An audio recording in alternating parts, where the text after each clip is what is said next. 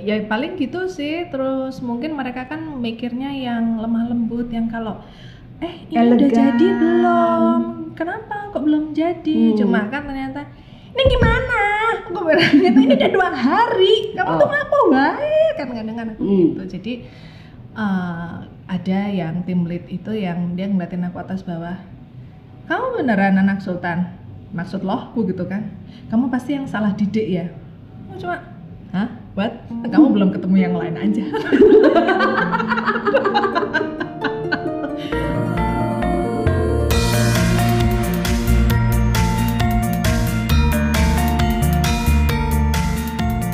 Salam Rahayu, jumpa lagi di podcast Rembuk Roso Putri Kedaton. Bertemu lagi dengan saya Gusti Kanjeng Ratu Condro Kirono yang nampaknya nih ya kebagian mengumpas tutas atau menampung curhatan saudara-saudara saya. Nah, setelah bulan lalu kita mengulik cerita tentang Bendoro semasa kuliah, gini giliran Jeng Hayu nih ya yang bakal cerita tentang bagaimana sekembalinya dia ke keraton. Ya, meskipun di keraton nampaknya juga masih harus terus berjuang untuk membangun sistem di sana sini. Jangan lewatkan rembuk rose kita kali ini untuk mengenal lebih dekat siapa itu GKR Hayu. Halo Jeng Hayu, apa kabar? baik mbak Oke. Ah, ini kita mau bicara sedikit banyak tentang kamu ya. Ah, sekarang ini kan orang udah banyak yang tahu nih kalau kamu itu adalah sosok di balik pengembangan IT di keraton. Nah, berkat kerja kerasmu itu, sekarang kan masyarakat dapat menikmati informasi dari dalam tembok istana yang dulu tidak pernah eh, banyak cerita untuk eh, masyarakat.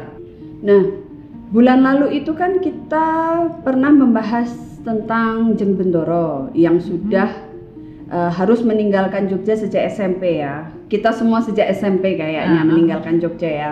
Nah, kalau kamu gimana coba eh, kamu ceritakan eh, kisah-kisah di balik itu semua ya udah. Asyah Ah, eh, enggak, ah. Ah, di- Mau dari mana? di, di, disensor aja ya Eh, semuanya juga boleh. Eh, enggak terima kasih Eh, pertama itu aku sih kelas 2 SMP naik kelas 2 SMP itu pindah ke Australia nah di sana sekolah bahasa Inggris dulu tiga bulan. Nah terus karena kalau di Australia itu kan masuknya tahun ajaran barunya itu kan Januari. Ya. jadi naik kelasnya di sini tuh kan pertengahan tahun. Masih ada waktu lah tiga bulan. Ujian ternyata lulus langsung masuk Hmm. untuk masuk eh, SMA masuk sekolah lah. Waktu itu aku coba tes iseng-iseng berhadiah itu loncat kelas. Jadi Oh, masuknya oke. langsung kelas 9 Seharusnya kamu kelas 2 dua.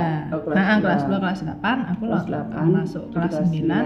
lolos Oke. jadi sebenarnya setengah tahun di depan eh, yang di Jogja Oh, itu intinya kayak oke. gitu. Tapi kan di Lalae 98 tuh kan Krismon terus pada pulang tuh. Mm-mm. Nah, itu aku masuk ke SMP Stella Duce lagi balik karena kan aku butuh eh, ijazah SMP untuk masuk SMA. Oh iya. Nah, itu jadi kebayang aku nggak mengalami kelas 2 SMP, aku nggak mengalami kelas 3 SMP karena masuknya itu sudah semester kedua bulan Februari, jadi udah persiapan ujian nasional. Hmm. Itu kan udah tinggal mengulang toh Iya, kelas, kelas mm-mm. 3. Nah, jadi dalam waktu sampai Mei, Februari sampai Mei, which is 3 bulan, aku berusaha ngejar pelajaran dari kelas 2 SMP sama kelas 3 SMP Oke. semuanya Stres dong. lumayan ya Botak dong. rontok ra- Rontok deh tuh rambut. nah cuma Hmm. eh, SMA lanjut di sini SMA kelas 1 di SMA 3 Sama Padmanaba. tiga. Hmm. Cuma di sana juga cuma setahun karena kan kita kan S1 semua harus di luar kan. Ya. Jadi kalau SMA-nya di Indonesia itu kan nanti S1-nya harus ada penyesuaian Mm-mm, satu mm-mm. tahun. Nah, jadi kelas 2 itu pindah lagi ke Singapura, Singapura, International ya. School of Singapore untuk langsung ngambil yang apa sih waktu itu istilahnya British Diploma. IB. Eh, bukan, Bukan. beda.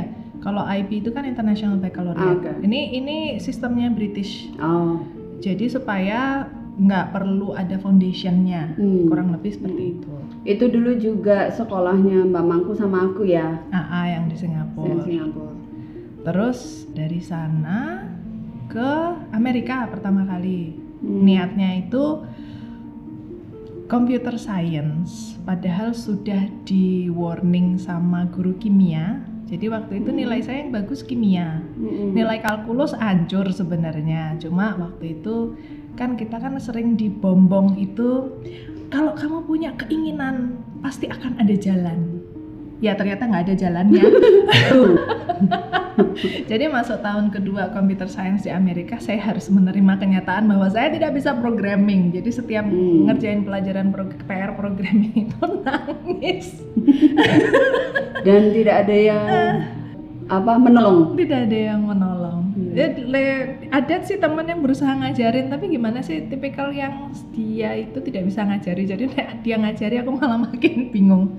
Ya anyway, terus habis itu pindah. Ah, tapi aku masih pengen di IT. Jadi Hmm. waktu itu pindah ke Inggris. Tapi harus Hmm. ulang dari awal karena itu memang tidak ada programmingnya.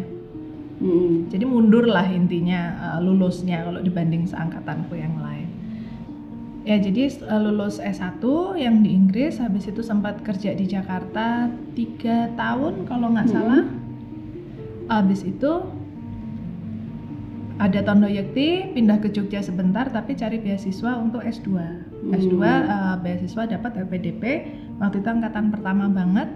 Terus S2-nya di New York uh, ambil Master of Business Administration dengan double concentration. Yang satu Leadership and Change Management, yang satu IT tapi lebih ke pembentukan IT policy. Jadi Oh. tetap bukan programming. Tetap, ya. Ha-ha, jadi saya ternyata bakatnya itu nyuruh-nyuruh programmer, bukan programming. Kurang lebih gitu sih, Mbak. Ya. Eh, kita balik dikit nih ya. Ah. Kesan-kesanmu antara sekolah di Australia dan Singapura apa? Jadi waktu itu kan aku di Australia itu kan aku begitu masuk itu kan kelas 9 Pertama agak kaget sih karena ternyata matematikanya itu jauh lebih gampang Jadi bilangan pangkat, tiga Mm-mm. pangkat dua gitu, itu baru kelas 9 waktu itu Ya.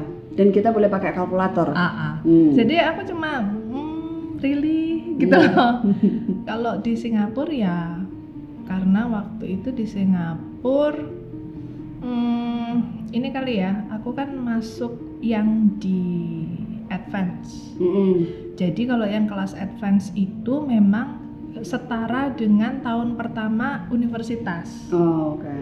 Jadi advance level itu yo yo penuh cucuran keringat mata. dan air mata juga Oh. ternyata. Jadi yang spesial tuh guru kimiaku itu kan galak banget, tapi justru itu yang bikin aku belajar. Hmm. Jadi waktu itu sempat sih, makanya kenapa guru kimiaku itu sempat ini banget apa eh, gondeli sebelum masuk aku bilang mau ke computer science karena pernah ditawari beasiswa dari Inggris itu Mhm. full scholarship tapi untuk pure chemistry. Hmm. Waktu itu bilang aku kalau kimia nanti balik ke Indonesia ngapain? Ya gitu deh. Ah. Ibu kan dulu pernah cerita tuh di apa episode sebelumnya bahwa kamu itu kan suka puzzle dengan puzzle komputer. Nah, apakah itu yang istilahnya memantapkan kamu untuk di jurusan IT? Mungkin puzzle nggak termasuk ya, tapi maksudku yang kamu kan udah suka komputer tuh. Ah sebenarnya alasannya mantep di IT agak remeh sih. Oh, Jadi dulu ada serial film La Femme Nikita. oh, oke. Nah, Itu film lama ya. Ah, ah, film seri. Nah, yang jadi Birkov programmernya itu cute. Remeh nggak sih? Iya, remeh sekali. Nah, tapi emang Kalau anak-anak zaman sekarang ngomongnya receh. Oh, cek. Nah, jadi kalau dulu eh, emang udah seneng komputer, tapi maksudnya pelajaran komputer di sekolah gimana sih kan paling Iya. Microsoft Office atau Mm-mm. apa gitu kan. Tapi untuk eh coba kayaknya computer science menarik ya itu satu sisi aku seneng main puzzle, di satu sisi Hmm. ini kok kayaknya ah, nggak tahu juga maksudnya ya si Mas Birkov itu lucu. Oh, Mas itu Birkov. si Mas Oke. Birkov. Karena itu. Ya, jadi sebenarnya itu sih cuma ya kita kan kadang nggak tahu panggilan itu ke mana karena pernah pas di mana SMA itu eh, pas SMA di Singapura aku sempat kepikiran pengen jadi politician Hmm. itu cuma Tapi kan untung nggak nggak banget kamu kalau aku pernah ngomong sama bapak gitu kan bapak kalau aku jadi politician gimana bapak cuma bilang waktu itu untuk S- sebenarnya kok jadi politician itu tidak harus kamu backgroundnya politik kan juga bisa wes Ya. S1 nya kamu lakuin apa yang kamu mau Hmm. gitu kalau waktu itu aku pernah juga ngomong sama guru kimiaku yang uh, si Mahagalak itu waktu itu kalau nggak salah pokoknya kita masih uh, turmoil di sini dengan Bu Mega waktu itu kayaknya baru-baru jadi presiden pokoknya nggak lama gitu. Lah Hmm. aku bilang Miss kalau aku jadi politician gimana di Indonesia? Guruku cuma ngeliatin aku gitu kan. Yeah you will probably get shot mungkin satu saat ditembak orang. Ya udah tapi eh, intinya kalau jadi politician waktu itu aku ngikutin koran kok kayaknya kalau jadi politisi itu apa sih istilahnya bisa nggak masalah hari ini ngomong A besok ngomong B nggak ada temen yang abadi. Jadi kita kerja dengan teman sekantor itu semuanya nggak bisa dipegang ngomongannya. Gitu. Hmm. kayaknya antara ngapusi dan atau diapusi gitu kayaknya enggak deh. Itu kayaknya memperpendek umur. Eh, ya jadi kembali ke IT Hmm. Karakter kamu nggak bisa, karena kamu hanya taunya hitam dan putih, nggak ada abu-abu. ya nggak ada yang kayak ya anggota politisi ini membalikkan meja mungkin aku Nah, ya itu mungkin kamu nomor satu dan masuk headline itu. Nah, eh kalau di Indonesia jurusan teknik atau IT itu kan didominasi sama anak laki-laki ya. Ya. Nah, kalau misalnya nih ya, eh, kira-kira yang menarik dari sekolah kamu di luar negeri itu apa? Kalau pas sekolah itu kalau yang pas programming ya pas yang di. Amerika pertama kali itu jadi maha minoritas. Mm-mm. karena aku waktu itu di Institute of Technology jadi let's say kayak satu kelas satu angkatan isinya 400 itu yang computer science mungkin kayak ada 75 80 lumayan dari 100 gitu. Yang perempuan cuma tiga. Oh, tapi di sisi lain karena yang cewek minoritas itu banyak sekali yang perlu bantuan nggak? Perlu ini cuma tuh maksudnya udah ketok banget modus ngono loh mbak. Jadi males juga.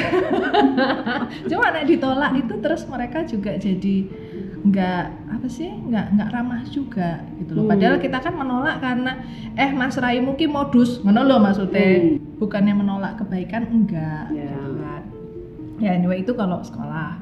Cuma kalau pas di Inggris itu kelasnya lebih kecil lebih banyak yang perempuan dan ternyata aku ngeliat kalau untuk komunikasi dengan klien karena waktu itu kan bedanya kan kalau yang di Inggris tuh nggak ada programmingnya Hmm. tapi kita designing designing sistem kayak gitu masih Hmm. ada Enggak. Nah, untuk komunikasi dengan klien, ini maunya seperti apa sih jadinya rancangannya seperti apa itu sebenarnya yang perempuan itu lebih bisa menerjemahkan Hmm. gitu. Yang menarik sih kalau terus oh no, biasanya kan ini kok kenapa jadi minoritas gitu yang perempuannya apa? Karena banyak juga mereka dari kecil perempuan tuh tempatnya bukan di technical Hmm. Gitu. Iya sih. jadi ya wajar kalau pas S1-nya yang perempuan juga masih minoritas karena Mhm. dari lingkungan sekitar itu kecilek ya WSD itu bukan kerjaan perempuan Bukan. gitu. Eh, pas kerja sih mungkin yang lebih kelihatan lagi karena kalau lingkungan IT itu kan sangat bro culture. Mhm. Jadi eh, ya itu tadi banyak yang ne karena banyak cowok terus akhirnya kayak jadi sarang penyamun. Tapi di dibik- akhirnya jadi perempuan itu tidak merasa aman, bukan tidak merasa nyaman ya, tidak merasa aman Oh. di situ Oke. gitu. Itu pro- salah satu problemnya. Eh, apa? eh, terus nek aku ngomong gitu, aku menawarkan solusi ki gak dianggap Oh. yang ditanya yang cowok Oke. itu juga sering ya itu gitu sih paling Jadi masih ada kayak istilahnya glass ceiling gitu ya, maksudnya pembatasan. Mhm, sama Hmm. ya jadi sebagai perempuan tuh harus lebih sering harus bisa membuktikan iki sang iki aku iso sing iki iso sing jadi istilahnya requirementnya jadi lebih berat Kak. kita Hmm. harus selalu membuktikan bahwa ini kita tuh bisa ini tuh kita bisa sementara yang cowok sebenarnya nggak harus sampai segitunya Enggak. Apa sebenarnya sekarang itu eh, IT untuk kaum perempuan itu juga banyak ya. banyak Dan sebenarnya banyak yang lebih pinter juga, iya ya kan? Gitu. Iya toh. Banyak sebenarnya cuma kadang kan mereka nggak nyaman kerja di situ Dan mungkin merasa karena apa? eh, karena ada suatu apa ya eh, tekanan juga sehingga dia juga merasa sebenarnya dia tahu tapi karena ditekan jadi dia ya wis lah gitu mungkin. Enggak juga. ada aku pernah ngalami timku itu tim programmernya enam orang yang cewek satu nah yang paling pinter tuh tim leadnya si tim lead ini udah stres nih dia udah berapa hari dia nggak bisa memecahkan satu persoalan uh, Hmm. programming nah dilala yang anak baru yang cewek ini selesai bisa Hmm. marah-marah loh si tim lead ini Hmm. nggak mungkin dia tuh bisa ngomong aku where I saw kok Hmm. Meremehkan. Ha-ha. dan waktu itu juga kita lagi main apa gitu kan main tebak-tebakan brand tuh loh mbak dulu kan Hmm. pernah ada game komputer itu jadi iseng-iseng aja dan aku yang jawab like 90% gitu Hmm. kan terus dia ngeliatin aku wah mbak kamu jubelannya pinter tenan ya maksudmu Aku- jadi Kamu ya, meragukan saya ya, gitu. apparently ya, ya kayak gitu deh Ah, ini kita semua tahu ah, dari satu keluarga tuh tahu kalau kamu itu kan semego ya. Semua go semego, semego gitu. Ah, nah, setiap makan pagi itu kan harus sego alias nasi. Dengan soto yang berkuah dan lain sebagainya. ya Terus kalau kamu waktu kemarin merantau istilahnya itu gimana? Bikin ayo tetap nasi. Oh, tetap nasi. Heeh, jadi urusan pertama kalau pindah ke suatu tempat adalah cari Chinatown Hmm. sing jelas ono dodolan beras Oh ya. Gitu. Heeh. Nah, terus cari biasanya terus ada mie instan juga Iya. Beras beras itu sangat penting bagi kita semua. Satu keluarga itu sangat Iya, penting. betul Tidak ada beras itu kita bisa berantem. Heeh. Nah, ini kita mengulas sedikit ya. Nah, sebelum Bapak Dawuh untuk membentuk eh, Tepas Tondo Yekti di tahun 2012 kalau nggak salah ya. Kan udah lebih dulu hadir eh, ada berbagai platform online ya kayak Twitter, Facebook, fanpage, Instagram gitu kan. Nah, kalau nggak salah kamu kan juga punya apa blog ya, gkrhayu.com. Hmm. Nah, di blogmu itu kan sering membahas hal-hal yang eh, dikilen yang nggak terlalu formal lah gitu. Nah, sebenarnya apa toh yang paling mendasar yang ingin kamu sampaikan di dalam blogmu itu tuh apa? Hmm, ya si blog itu sudah tidak aktif sejak 2018 kayaknya. Kalau dulu mungkin ya sebenarnya mirip dengan apa yang pengen disampaikan di podcast ini sih. Jadi kalau dulu tuh kan orang kan juga nggak tahu toh kita kegiatannya apa aja kan koyo mong ah, leha-leha dikipasi ngono toh Luluran. Mi- mi- minum-minum jamu gitu. Eh, cuma di satu sisi ya aku pengen anu sih, em, aku kan banyak baca, Mm-mm. banyak baca terus pas S2 kayak gitu kan banyak teori tentang say virtual team, eh, perbedaan budaya korporasi yang barat sama yang Asia, pokoknya kayak Hmm. gitu-gitu. Nah, pengen tak tulis tuh yang ini teorinya gini, kira-kira pengaplikasiannya kayak apa dengan bahasa yang gampang karena aku paling males kalau dengan bahasa yang resmi. Hmm. Jadi nulis yang kedawan ki males gitu. Mm-mm. Eh, intinya sebenarnya itu sama sharing pengalaman karena waktu itu aku juga aku ngalami pas kerja di Jakarta itu banyak yang anak-anak ketika dipromot jadi tim lead atau Mm-mm. manajer untuk pertama kali itu mereka nggak tahu harus ngapain Mm. gitu. Jadi sebenarnya itu sih pengen berbagi itu aja terus kayak kemarin kan pas masih di luar itu kan masih bisa traveling Mm. kayak gitu-gitu jadi aku pengen juga sharing tempat-tempatnya tapi bukan yang modelnya yang ini hotelnya seperti ini dengan harganya semalam seperti ini enggak gitu Jadi lebih personal lebih gitu ya. personal aja Hmm. pengen pengen kayak kalau di Facebook di Twitter di share di situ kan kita nggak tahu kapan platform itu tiba-tiba hilang Mm-mm. tahu-tahu di ban aja sama pemerintah Indonesia bubar semua Mm-mm. tapi kalau blog kan nggak lebih permanen kayak gitu sih sama ya ya nulis nulis makanya karena tidak terlalu formal yo akhirnya yo saanane waktu aku nulis terus nek males yo ya Ya ya, begini wes. nasibnya Aku pernah nyoba tuh ya, Hmm. seperti kamu membuat blog.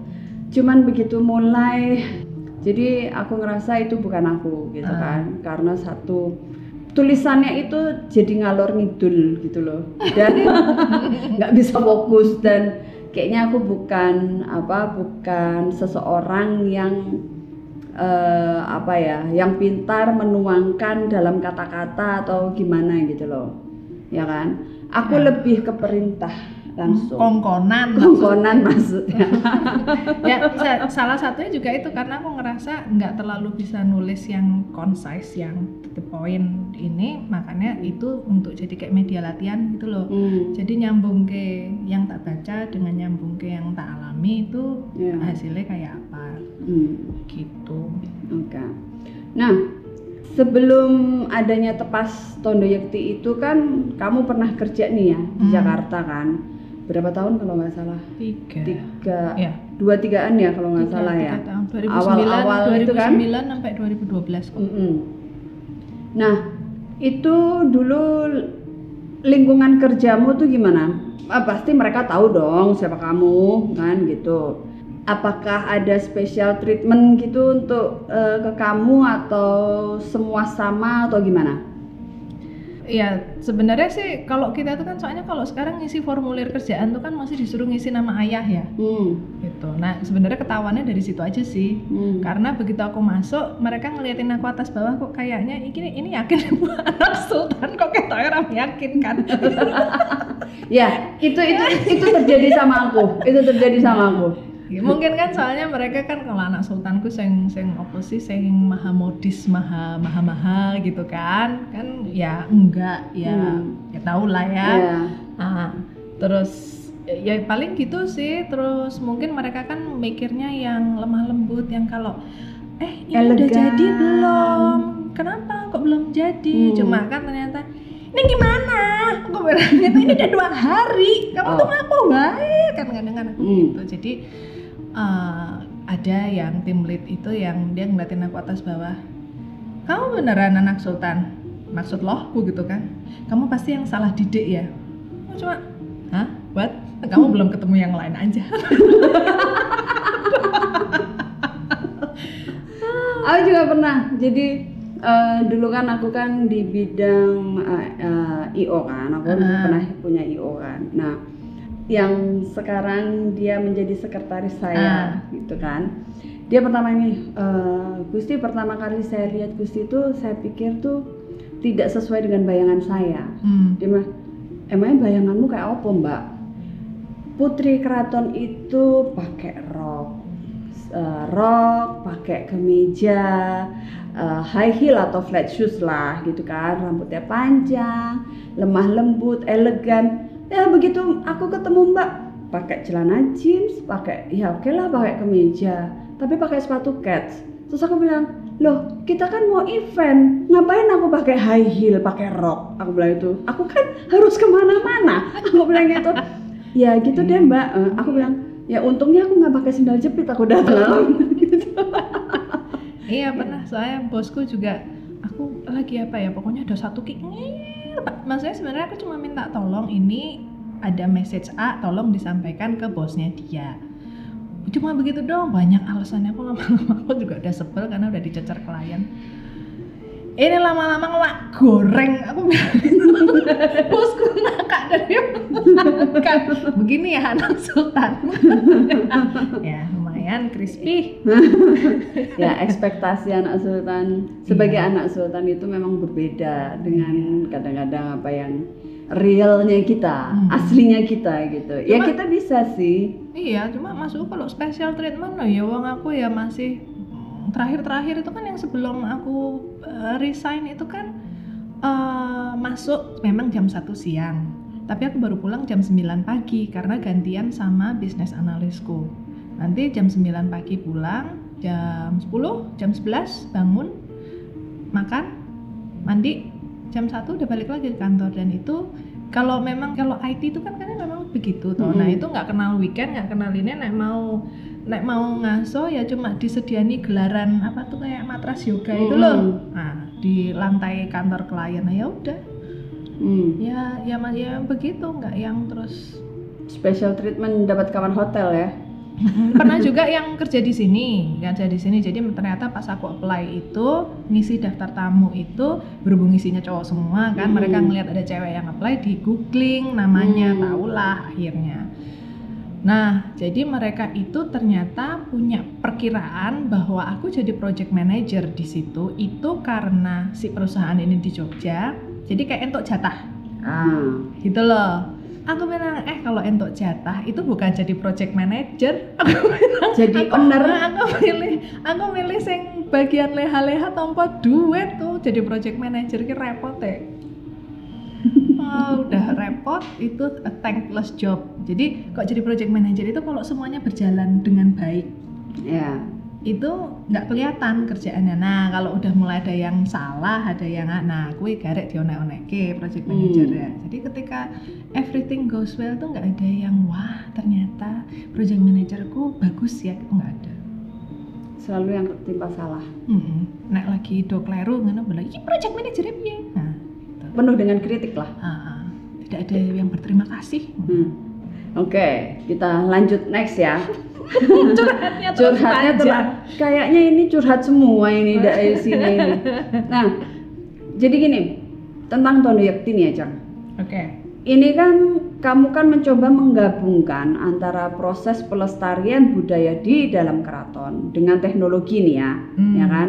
Nah, itu kan pasti kan banyak banget tantangan, terus ada kendala-kendalanya, terus hambatannya gimana. Nah, tantangan yang paling sederhana sampai sing paling ngeyel ki apa?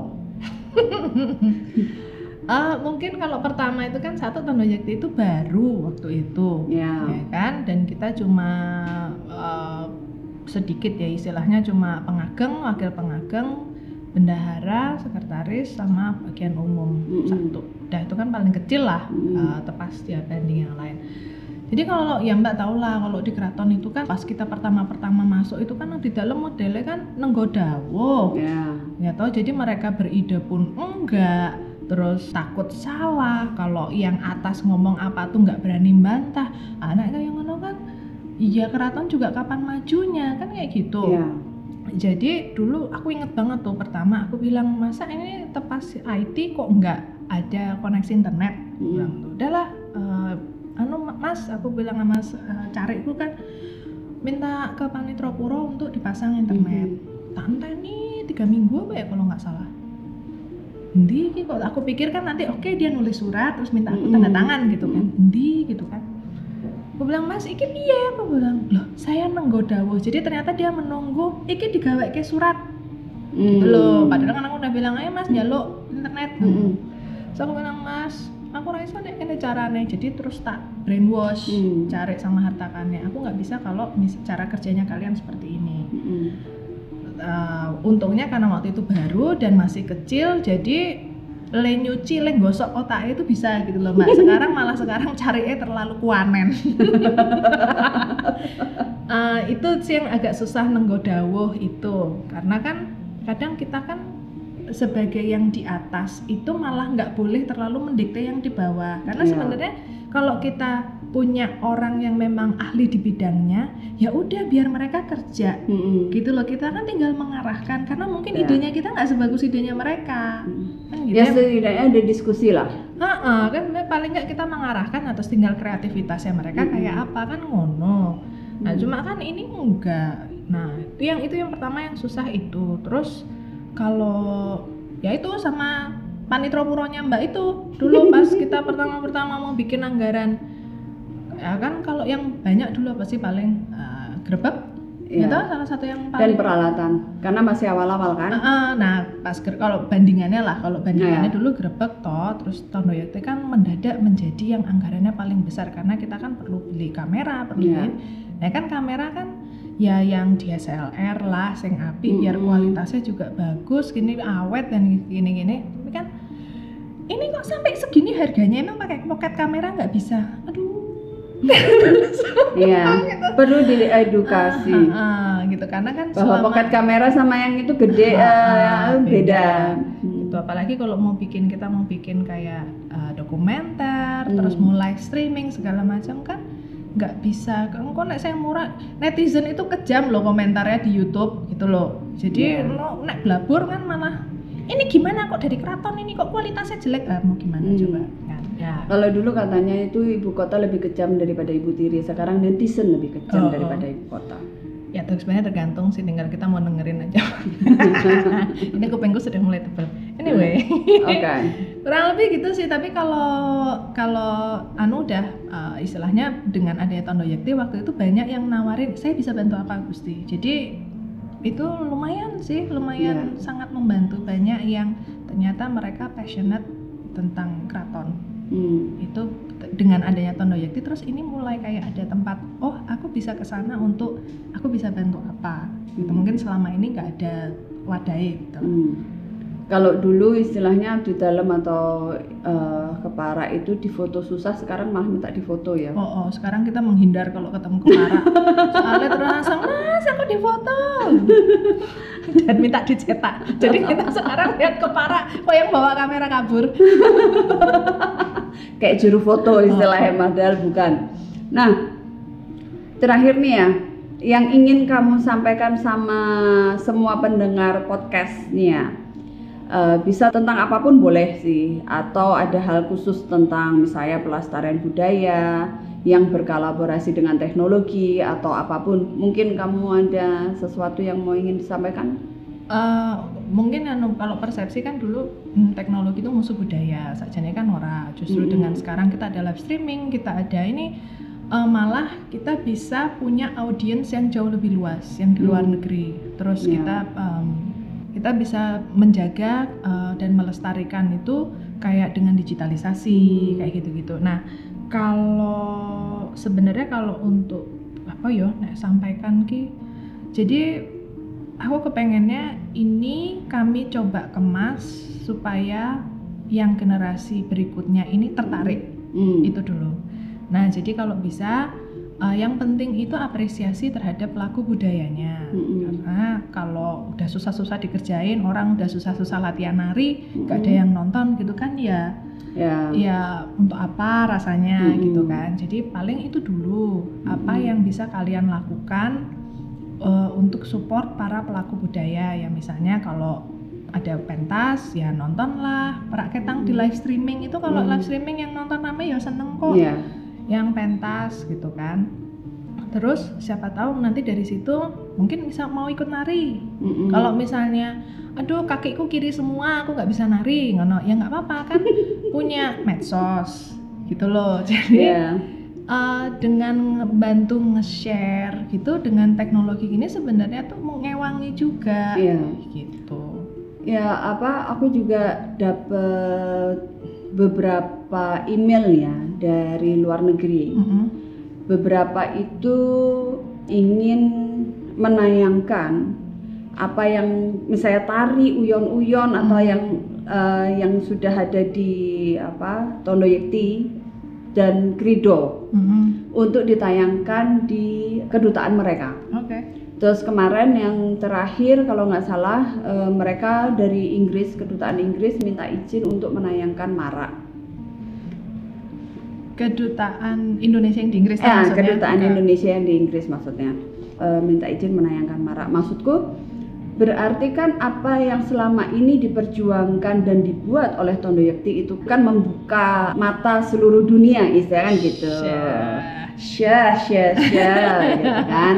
Dan orang Indonesia terutama orang Jogja atau orang Jawa yang di luar negeri itu kan mesti kangen, ya ya kan? ya Ya seperti kita kita lah waktu di luar negeri kan opo toh pengen tahu apa yang terjadi karena Hmm. ya kan pasti Iya. kan pengen ada apa di Indonesia ada apa di Jogja apa kadang di- kalau kan. ditanya ini kalau di tempatmu tuh kayak apa sih terus kita mau buka website kok ya kalau sekarang ada lah ya rujukannya sekarang ada. adalah rujukannya untuk eh mbak ini. ngomong-ngomong berarti sendalmu udah ngetop sampai Inggris no Ah, iya.